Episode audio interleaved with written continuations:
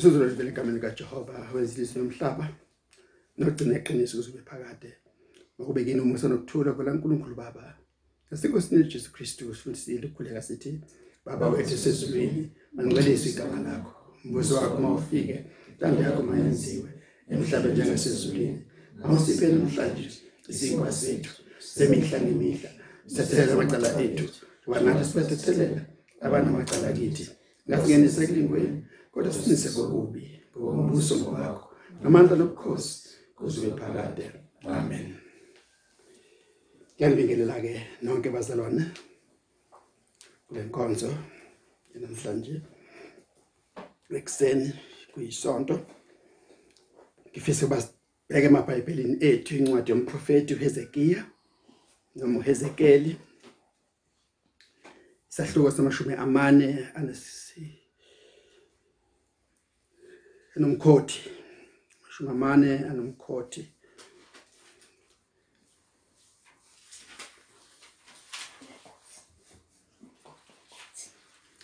sahluko samashumi amane nesiphohlongo umkhothi ke ungawazi.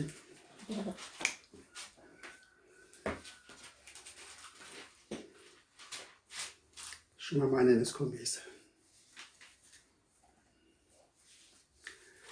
47 Ezekiel chapter 47 from verse 1 to 12 Ezekiel 47 from verse 1 to 12 Siyafunda ke. Wayese ngibuyisela eminyango wendlu bheka amanzi aphuma phansi kombundu. Wendlu. Ngasempumalanga ukuba ubuso bendlu babungase empumalanga amanzi ehla evela phansi kohlangothi lokunene lwendlu ngaseningizimu kwealtare. Wayese ngiphumisa ngendlela yesango ngasenyakatho wangizungezisa ngendlela engaphandle esangweni elingaphandle elibhekene elibheke endleleni yasempumalanga. Bheka kwaphophoza amanzi ohlangothini lokunene. Lapho umuntu esephuma eya ngase Mpumalanga enomucu wokulinganisa esandleni sakhe walinganisa izingalo ezizinkulungwane wangidabulisa emanzini. Amanzi ayefika emaqakaleni. Wabuye wangi walinganisa inkulungwane wangidabulisa emanzini amanzi ayefinyelela emadolweni. Walinganisa futhi inkulungwane wangidabulisa emanzini ayefinyelela okhalweni. Wayesebuya walinganisa inkulungwane kokungumfula ongenaku dabulwa ngokuba amanzi ayekhulile ngamandla. Amanzi okuhlamba. Angumfula ongenakudatshulwa wathi kimi ndodana yomuntu usubonile na? Wayesengihambisa wangibuyisela osebeni lomfula. Sengibuyile bheka. Kwakukhona imithi eminingi kakhulu osebeni lomfula. Ngalapha nangalapha wayesethi kimi lawa manzi aphumela emfunde esifundeni esingasempumalanga ehlela eAraba aya elwandle aya elwandle lana aphunyise aphunyisiweyo kuyakuphiliswa amanzi alo. Kuyakuthi konke okuphilayo okuswebezelayo kuphile. Ezindaweni zonke lapho ifika khona leyo mifula emibili kuyakuba izinhlanzi eziningi kakhulu ngokuba esefika khona lawo manzi owawu awulwandle ayakuphilisa kuphile konke lapho umfula ufika khona. Kwathi kuyakuthi kume kuwo abadobi kusukela eAD geni eEnigedi kuze kube se Eniga la yemi. Kube ngokokuneka kwamanethi kuyakuba khona izinhlanzi ngezinhlobo zazo. Njengezinhlanzi zolwandle olukhulu zibe zibe ziningi kakhulu. Kepha amaxhaphozi alo nezi nezibhuku zalo kuyaku akuyikuphiliswa kuyakunikelwa kusawoti. Ngase ngasemfuleni osebeni lwawo ngapha nangapha kuyakumila yonke imithi edliwayo amaqabunga ayo angayikubuna. Nezithelo zayo zingayi kuphela iyakuthela izithe iyakuthela ezintsha inyanga izinyanga zonke ukuba amanzi ayo avela endlini engcwele. Izithelo zayo ziyakuba ukudla amaqabunga ayo abe ngawokuphilisa izwi lakho leli simakade. Sisithoba kulo siyazinikela kulo. Ukho konke ukukhuluma kwezwi lakho. Sibusise sibusiseke egameni lika Jesu Kristu inkosi. Amen. Yanibingelela ke nonke bazalwane egameni lika Kristu Jesu. Sifunde amavesi amaningi kule ndaba kaHezekeli sahlukweni 47 okuyisiprofeto noma umbono wezeke Hezekeli aboniswa bona kuqala ke sikhumbule ukuthi uHezekeli ungumprofeti ungomunye wabathunjwa abasuswa eJerusalem ngo5 86 bayiswa eBhabhele. Andi usebhabhele kulesikhathi andi esebhabhele uNkulunkulu uyamthatha ngamehlo engqondo uyamthatha ngombono. Uhamba naye uNkulunkulu umbonisa iJerusalem. Akambonisi nje indawo yaseJerusalem kodwa umbonisa ithempeli laseJerusalem. Uma ebheka kuleli thempeli laseJerusalem ubona izinto eziningi ezenzekayo khona. Sokhumbula phela ukuthi Hezekeli usebhabhele ngomzimba nangesiqu sakhe kodwa uNkulunkulu umbuyisela emuva eJerusalem ubuyisela emuva ethempelini kuba abone isimo sethempeli. Khumbula futhi ukuthi ithempeli ngalesikhathi alikho. Ladilizwa phela ithempeli ngesikhathi bethunjwa. Andizathathwa izitsha zethempeli zonke nguNebukadnezar wahamba nazo ozibeka eBhabhele endlini yakhe. Kodwa uNkulunkulu usafuna ukuthatha uHezekeli njengomprofeti kuba ambhekise ethempelini. Umbono ke lona isiprofeto ke lesi esinezigaba ezintathu ifisa kuba sizibheke. Esigabeni sokuqala sibona umbono wamanzi agelezayo aphuma ethempelini. Sigabeni sesibili sibona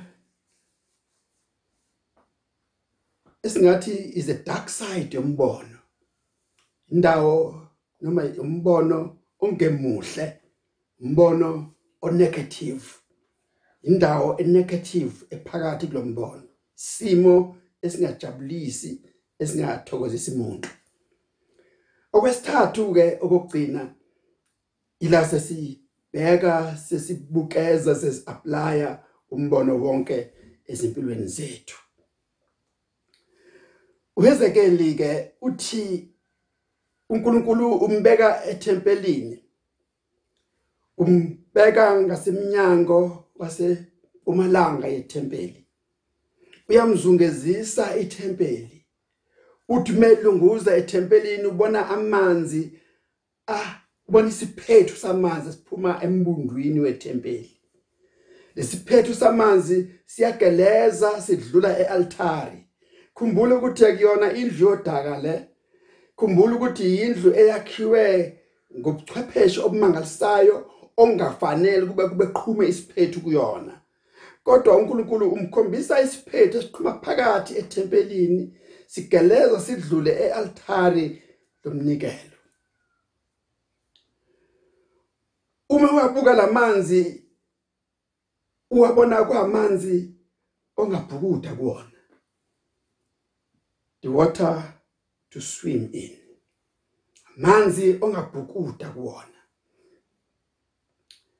isimo lesi ongathi mangabe uzibona ukusona ehlobo kushisa uzibona ukusona phakathi nelanga laseAfrika noma nelanga lase lase-Asia noma nelanga lakwaIsrael ngalesikhathi sasehlobo uthi ngithole ithuba elimnandi kuba ngicebeleke ngibhukude ngijabule. Kodwa uHezekeli ubona lombono ekhexile. Kuyenzeka ke esikhathini ngezikhathi zeTestament elidala ukuthi uNkulunkulu abonise abaprofeti lokho okuzokwenzeka noma aqunge abaprofeti isibindi ngesimo ababhekene naso izinceku zakhe ezitshela ngezinto ezizokwenzeka enalana ilokhu uNkulunkulu afuna ukukuchachisa ubona isidingo sokwambula lesi simo ababhekene naso. uIsrayeli esekuthunjweni. Sibheka ke lombono wamanzi agelezayo aphuma ealtari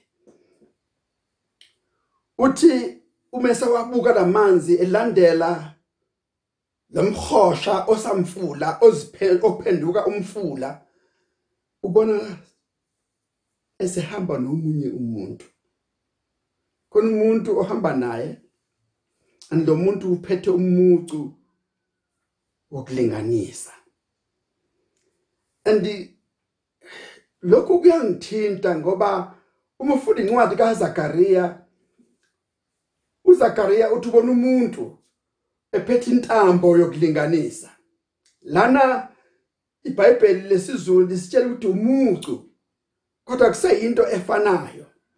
Ngalena kuZakaria lo muntu uyalinganisa ubude balo nobubanzi balo iJerusalema abese ethi conclusion yakhe iJerusalema liyakhiwa. And yalizokwakhiwa njengomuzi onodonga noma onothango obiyelwe kodwa lisadingeka uthango ngobunxa yobuningi babantu nempahla yabo nemfuyo yabo. Kepha kulenda esifunda kuyona sibona uHezekeli ehamba nomuntu ophethe lo mucu wokulinganisa. Uthi uHezekeli uyalinganisa the quarter of mile. Mhlambe ikona esingakuqonda kahle kunezingalo eziyikhulu esizifundile. The quarter of mile. Uma eselinganisile quarter of mile uthi umngenisa phakathi emanzini. Uma emngenisa emanzini uthi amanzi asemaqakaleni. Uthi aphinde lo muntu alinganise enye ingxenye futhi yemayela. Isigamu sengxenye yemayela uthi uthi mefika lapho amanzi asekhuphukile asesemadolweni. Uyaqhubeka uthi uyabona amanzi asesokhalweni endokwesine uthi lamanzi asemaningi sokungamanzi ongeke sokumfula ongeke ukwazi ukuwela sokumfula ongabhukuda kuwona sokumfula ongenisayo amanzi ayakhula ngendlela emangalisayo. Ayanda um, umthamo wawo ayanda amanzi ongabhukuda kuwona. Kunezinto engifisa siziqaphele kule ndaba. Lamanzi kuthiwa amanzi akwazi ukuphilisa. Amanzi aphilisayo. Kufanele phela kuba amanzi aphilisayo aphuma ethempelini. Aphuma ealtari adlule kwialtari lomnikelo. Amanzi aphilisayo. Uze athi obhalayo uthi it has a great healing qualities.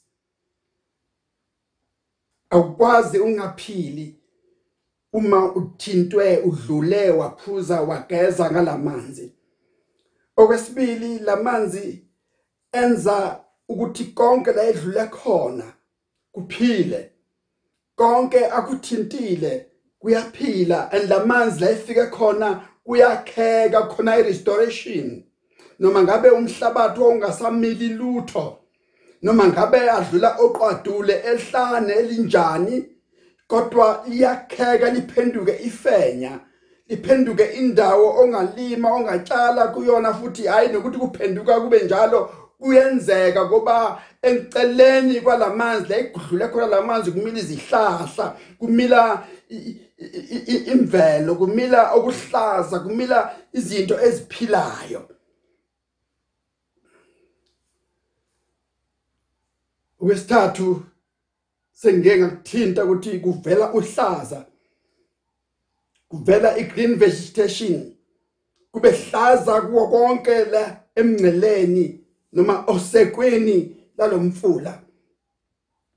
And kuvela izithelo ezithela ngamandla izithelo ezithela zinyanga zonke izithelo ezingabuni eziqabunga lazo lingashi. Kuvela izithelo ezinokudla okudliwayo ezinokudla okuphilisayo ezinokudla okwenza abantu bathokoze. Andi kuvela imithi osekweni lalomfula imithi emaqabunga ayo ayaphilisa.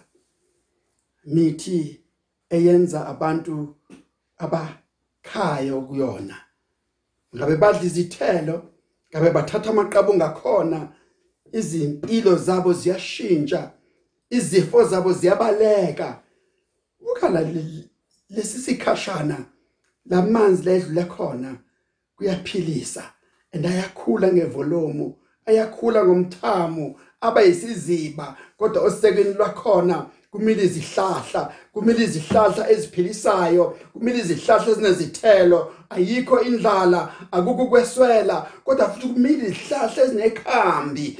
ikhambi elidingekayo empilweni yomuntu ikhambi eliphilisayo mhlawumbe kulesikhathi namhlanje na? Ubezothe omunye kumilizi kumila izihlahla ezinekhambi ezolapha yonke iCovid-19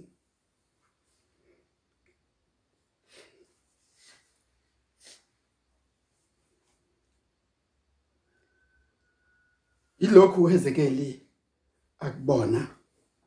Umfula wamanzi okuphila kungenza kuba ngixhumele lapho ngithi umfula wamanzi okuphila.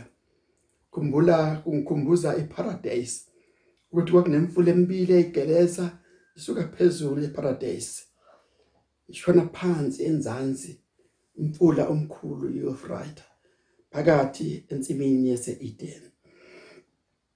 Ezekeli ubona leso simanga namhlanje na?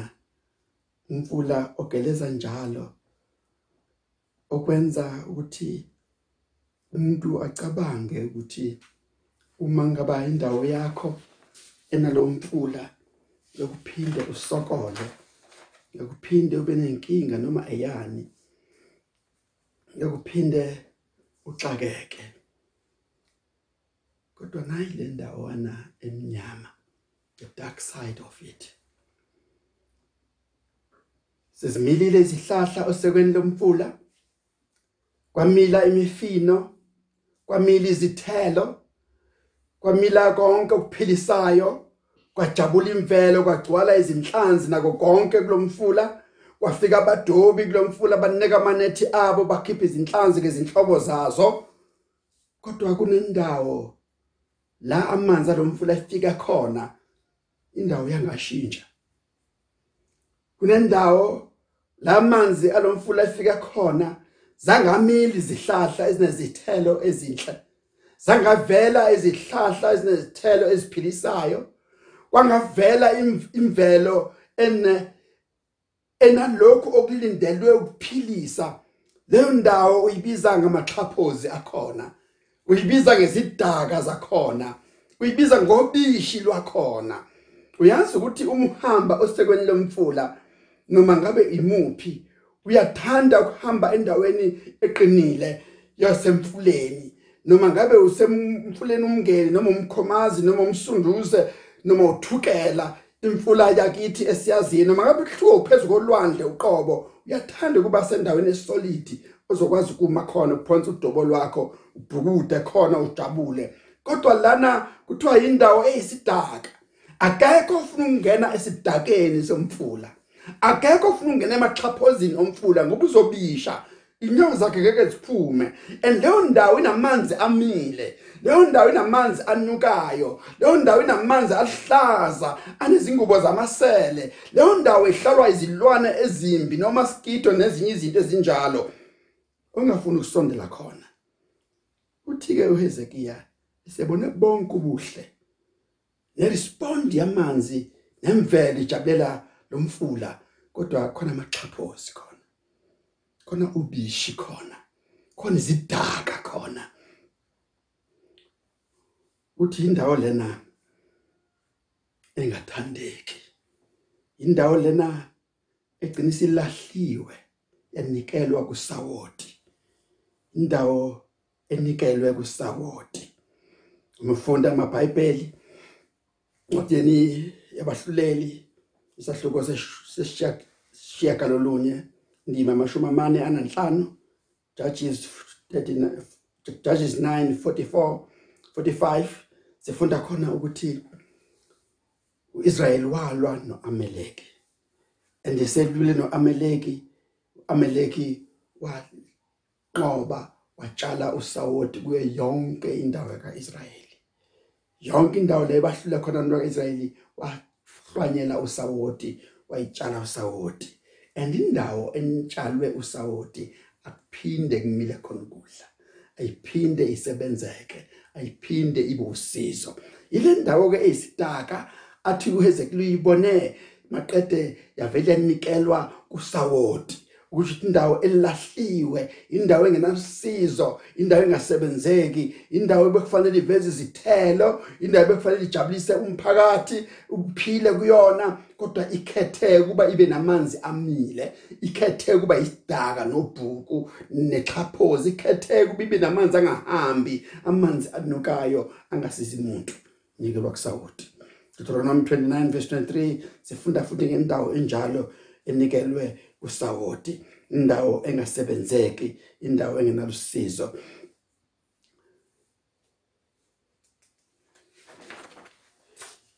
izimo lezi ezimangasayo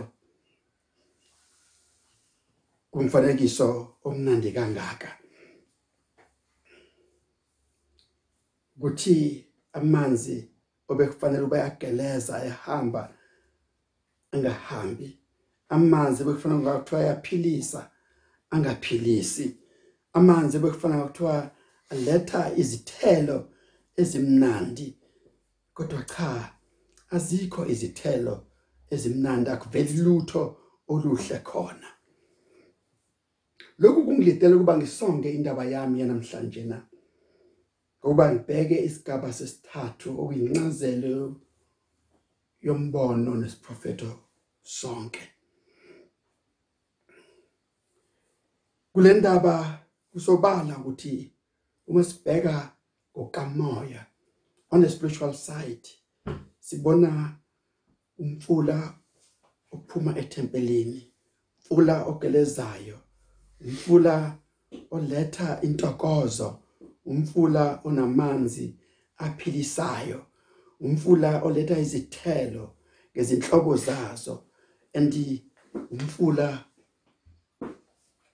ngamanye amagama uNkulunkulu unikeza uHezekeli ithemba uthi usebhabhele Hezekeli. Bathi ithempeli alifile njengokucabanga kwenu ngoba kulela thempeli kuzogeleza umfula wokuphila. Lo mfula wokuphila uzophuma kulo ialtari lomnikelo. Ilapho kuzophuma khona amanzi aphilisayo umthombo ophilisayo uzogeleza uphuma kulelo altari. Andilokhu uNkulunkulu afuna ukuba abantu bakhe bangalahli ithemba. Ufuna ukuba abantu bakhe babheke ukuthi ukuhlala kwabeBhabheli iminyaka yamashumi esikhombisa akusho sokuphelile ngabo kodwa kukhona ithemba ababheke phambili. Ufuna uqinisa ukukholwa kwabo ukuthi ethempelini kuyakumpompoza umthombo wensindiso uyakuvela ugeleze unokuphilisa okumangalisayo. Ilokho afuna ukusho ngobheka ihubo 46 ivesi lesine usho njalo ukuthi kuyoba khona indawo yamanzi aphilisayo. Uma ubheka uJesu kuJohn 4 verse 14 uthi uJesu ukhona amanzi okuphila. Uthi yena ungamanzi okuphila okuphuza kubona kasoze oma naphakade. Kunaloko kuyogeleza kuyena imfula yamanzi okuphila. Iloko kushiwo kuJohn encwadini yakhe esambulo 22 uverse 1 uthi ngabona umfula wamanzi ahlanzekile acwebile ahlanzeke kungathi iCrystal. Andikuphakathi kwawo kukhona ile iwundlu. likaNkuluNkulu elisa zonke izono zesintu. Yilokhu ke uNkulunkulu afuna basibone namhlanje na ukuthi ngabe uIsrayeli usedingisweni ngabe uIsrayeli uhleli kabuhlungu uIsrael uphelele ithemba uthi uNkulunkulu lingapheli ithemba. Sizodlula lesikhathi izophela lelihora amanzi okuphila akhona. Alaphi? Singawathola apha amanzi okuphila? Ekudingisweni na? Kwi lockdown na sithole khona intokozo na uthi uNkulunkulu cha i lockdown esikhashana ukudingiswa kwesikhashana kodwa amanzi okuphila niwathola ethempelini. Ayoqhamuka isiphethu siphuma ethempelini. Ayogeleza ephuma ealtari lomnikelo ealtari lensindiso ealtari namhlanje singabheka uKristu esesiphambanweni. Sibiza siphambano kuyialtari ngoba isihenqo sidabuke khona sethempeli kwavuleka kwabonakala indawo engcwele ngcwele and igazi likaJesu lagobhoza. And lapho sibona khona ukuthi uNkulunkulu is meaning something better kubantu bakhe. Ufuna ukuletha insindiso kubantu bakhe. Ngephasika sibonile uJesu ebethelwa sibonile uJesu enyuka sibonile uJesu eletha umoya engcwele ezogcwalisa ibandla lakhe ngethemba ngePentecost ezoletha abantu bakhe ukuthi no ningadangali izodlula lento izodlula ukuthunjwa izodlulwa ukuvaleleka ezindlini kuzodlula sonke isimo enibhekene naso ngoba umthombo wensindiso ufikile and uyagobhoza and uphuma kuJehova uphuma ealtari uphuma etempelini lakhe. uNkulunkulu uletha insindiso kubantu bakhe. uNkulunkulu uletha insindiso evangeli amanzi aphuma etempelini aprofeta ukushunyayelwa kwevangeli lika Jesu Kristu. Ukushunyayelwa kwevangeli kaJesu Kristu mhlambe ngaqala kancane. Kube into nje ubale lapha emaqakaleni kube umfudlana nje nongasho lutho. Abanye baze basho bathi isonto elibhedayo isonto elincane elingelutho elinabantu ababili. Kodwa yakhula ivolume yevangeli lika Jesu Kristu iyakhula iyakhula iyakhula iba namandla. Njengomfula awubonile wezekeli ukhula ngamandla uze athi umfula ongabhukuda kuwona. Umfula ongeke udabule nje noma kanjani bandla lika Kristu ngekuzenzele nje noma yini uthanda ukuyenza kulona kuba liyakhula linamandla likhula phakathi kwemibuso ilicindezela. Likhuma khula phakathi kwababusi belinyathela. Likhula ibandla lika Jesu phakathi kwabantu belibukela phansi belihlukumeza belicindezela ngendlela zonke. Kodwa ibandla lika Jesu lumfula okhulayo.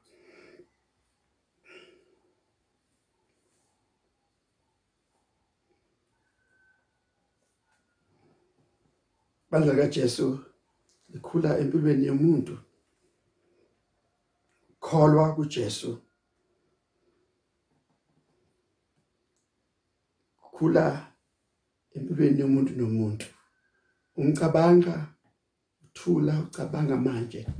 Beka isikhathi waqala ngaso ukukholwa amandla ensindiso ayingakanani amandla okumthanda uJesu ayingakanani amandla okushisekela umbuso kaNkuluNkulu kwakungakanani?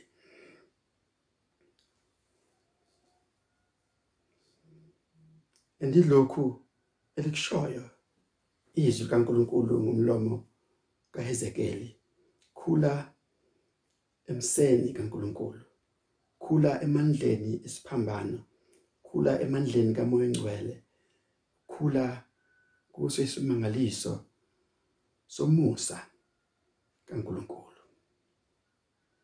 Umbuzo mhlawumbe ungavela ukuthi mhlobo wami sokwazi yini ukulesi simo? Sokwazi yini kulesi simo sevangeli lika Jesu Kristu elingamanzi aphilayo? Sokwazithola yini mhlobo wami ukulesi ukulolu lwazi lomusa ochichimayo. Umusa kaNkuluNkulu ochichimayo. Uma ungakazi uthole lo musa ochichimayo okhulayo yakunxusa uba ulalele ivangeli lika Jesu Kristu. Yakunxusa ukuba ukholwe. Ilokho uJesu akukhulumayo ukuthi yena ungamanzi okuphila. Yanxusa kuba kwamukele umfula wamanzi aphilisayo. Amanzi evangeli lika Jesu Kristu amanzi aletha ukuphila letha ukuphila kwabalitholile letha ukuphila kwabangenile kulona aletha ukuphila kwabazinikela isikhathi sokuba bahlale noJesu Kristu aletha ukudla komphefumulo. Aletha izithelo zikamoya engcwele aniyakunxusa kuba ukholwe. Inkosi uJesu umfune esenokutholwa ngoba uma ukholwa kuye musa kaNkuluNkulu uyakwanda. Wena uqobo uyakuphenduka ube ingxenye yobuhle nomusa kaNkuluNkulu. Uyakuphenduka ube sebuhleni bukaNkuluNkulu uyokubona amandla kaNkuluNkulu egeleza kuwena. Kodwa ke mhlobo wami angikushiya ngaphandle ngakuxwayisanga.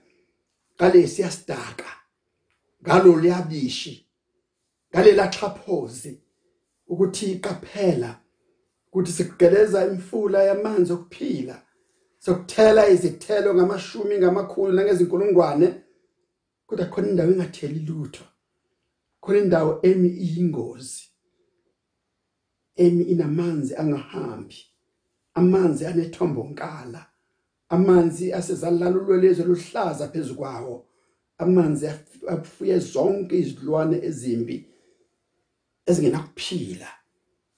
Xhaphozi ungabi ixhaphozi ungabi isidaka yiba semfuleni ogelezayo mfuleni onezithelo eziphilisayo. Izithelo ezisuthisayo izithelo eziletha ukuphila kubantu. Abagulayo abathatha amaqabunga azo badle bahlafune baphile. Kodwa ungabi isidaka. Mhlambe usiyabuza mfundisi yini isidaka? Yini ichaphozo okhuluma ngalo? Isidaka nexhaphozi nobishi. Ilabo bantu abalizwile izwi kaNkuluNkulu bahlala enkonzweni iminyaka ngeminyaka impilo yabo yonke. Kodwa banazo izithelo zikamoya. Akumili lutho kubona. Akukho okuhle abakwenzayo ba appreciate lutho. Ngenziwa yonke imisebenzi kamoya ebandleni kunalokho bazolokhu begxekile kunalokho bazolokhu bedonsa abantu abakhulayo babalimaze. Bazolokhu bebuyisela abantu abasindiswayo emuva. Benza kube sangathi kube bukhuni ukusebenza kwebandla likaJesu. Ilabo bantu abathi thina sifiki namhlanje nasizalelwe khona enkonzweni. Kodwa izithelo zokukhula ekumoya ingcwele abanazo izithelo zokusindiswa abanazo. Ilabo bantu ababizwa ngabantu benkonzo. The religious people the church going people. Abantu benkonzo abantu abahlala enkonzweni. Kodwa bangumfula ongahambi bayisidaka bayixhaphozi ukusondela kubona qaphela ungabishi qaphela ukuthi ungangenwa izifo ukuhlala eduze kwabo. Isixwayiso ke lesi mfowethu dadewethu ukuthi uzibheke wena ukuthi ungalaphi. Awulona lelo xhaphosi asona leso sidaka. Isixwayiso ke lesi ukuthi urefresh inkonzo yakho ubheke ukuthi zikhona nezithelo zikamoya uyathela yini noma nawe uyafana nalezo sidaka uyafana nalelo xhaphozi. Inkinga enkulu yesidaka nexhaphozi kwesisikhathi alibonakali. Kumile utshani njengakhona uyobona kuba usubisha uyobona kungasakwazi ukuphuma sungenile engxakini usufana nabo. Awusakwazi awusekho umehluko phakathi kwakho nawo. Amabandla amaningi asezweni lakithi ayixhaphozi. Amabandla amaningi asemhlabeni ayisidaka. Amabandla amaningi ashumayelayo ashumayele kubungene obishini ungabisaphuma ungene engxakini ungabisasindiswa awanazi izithelo zikamoya awanazi izithelo zensindiso. Awanako konke uNkulunkulu akubekile ukuthi ibandla libe ngeliphilisayo libe nensindiso libe usizo kwabantu abakhonzayo kulona kwabantu abahlala khona.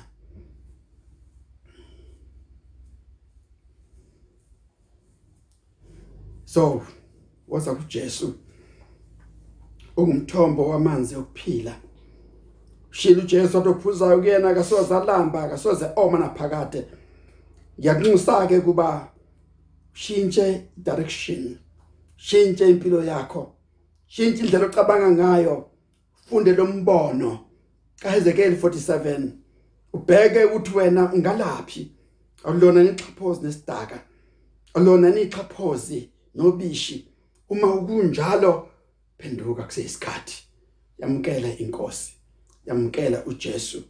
Yamkela insindiso. Kusenamuhla. Lisho njalo izwi namuhla uma nilizwa izwi lakhe. Ningazenzi likhuna inhliziyo zenu. Kodwa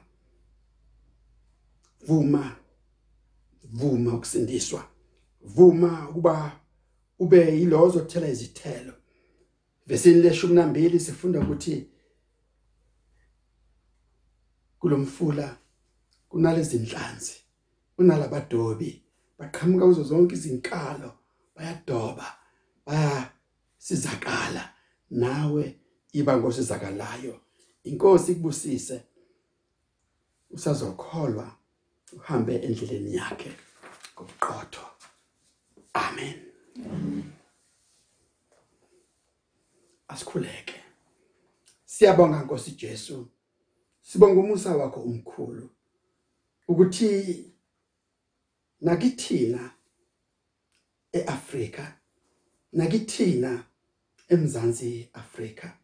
Kulesi sikhathi esikusona uletha isiprofeto sokuthi asizohlala kule lockdown njalo asizohlala sivalelekile njalo asizobuswa iCovid-19 njalo kodwa ithempeli likhona.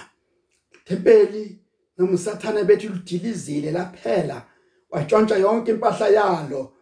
Kodwa wena uthi likhona ithempeli futhi nje ngesimo elikusona kunomthombo ogelezayo umthombo wensindiso umthombo ophilisayo ogeleza uphuma esiphambanweni phuma emanxebeni phuma kuKristu uqobo osindisa bonke abantu bakho abangenile babhukuda kuwona baphuza kuwona. Siyabonga baba ithemba osinikeza lona sibheke phambili inkosi kulelo themba. Sibheke phambili ekubuyeleni ekukhonzeni okugcwele. Hayi njena ukununuselwa ngenkonzo kodwa ukukhonza okupheleleyo la siyojabula. Sesimi emasangweni akho Jerusalema. Lapho sojabula izinyawo zezimi phakathi kwendawo engcwele ethempelini lakho. Sesikhonza sihalalisa sithi yaphila inkosi uJesu iyaphila phakathi kuthina. Kusisa ke inkosi abantu bakho ezindaweni zonke abahleli kuzona. Ezweni lakithi siletha inkosi bonke abagulayo siyayibona inamba yokugula ikhula. Siyababona inkosi abahlukumezekayo bekhula beshonelwa. Sithi inkosi babheke. Sibheka inkosi bonke abaholi bezempilo bonke abahlengikazi nodokotela abasebenza abakhona ezibhedlela. Sibaletha kuwena ngezigaba zabo. Sithi inkosi baphilise. Letha ukuphila kubo. Letha kwesami ukunqoba kubo. Bengamaqhawe namaqhawekazi ethu obabekile khona basindise impilo. Enza inkosi ukuthi isizwe sakho sibhekele umfula onamaqabunga nezihlahla eziphilisayo esebeza kuJesu. Badle izwi lakho badle ukuphila okukuwena badle inyama yakho baphuze kuwe ngoba umthombo ogobhozayo umthombo ophilileyo. Baba sebabeka abazalwane besemakhaya ezindaweni zonke abahleli kuzona. Letha ithemba ukuthi ukufa nobumnyama kuzodlula. Benze nkosami bangaphelelwa ngamandla funa bagcine sebengamaxhaphozi nezidaka. Funa nkosami sibabonakala sebeyinto engenamsebenzi sibezolahlwa ngaphandle babe usawoti ofile babe insimi etshalo usawoti engenazithelo. Siyabaletha nkosi kwena siyakholwa. Igameni lika Jesu uzodlulisa konke okubi kodwa ukukhanya kaKristu lizokhanya phakathi kwethu. Sibusiseke namanje egameni lika Jesu inkosi amen. Amen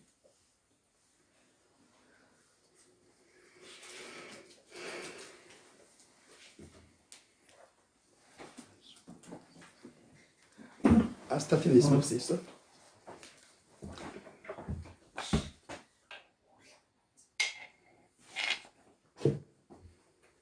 Musa wenkosi yethu Jesu Kristu thando likaBaba uNkulunkulu inhlanganyelo kaMoya Engcwele ngokwenathi sonke azafika uJesu Kristu inkosi yethu amen.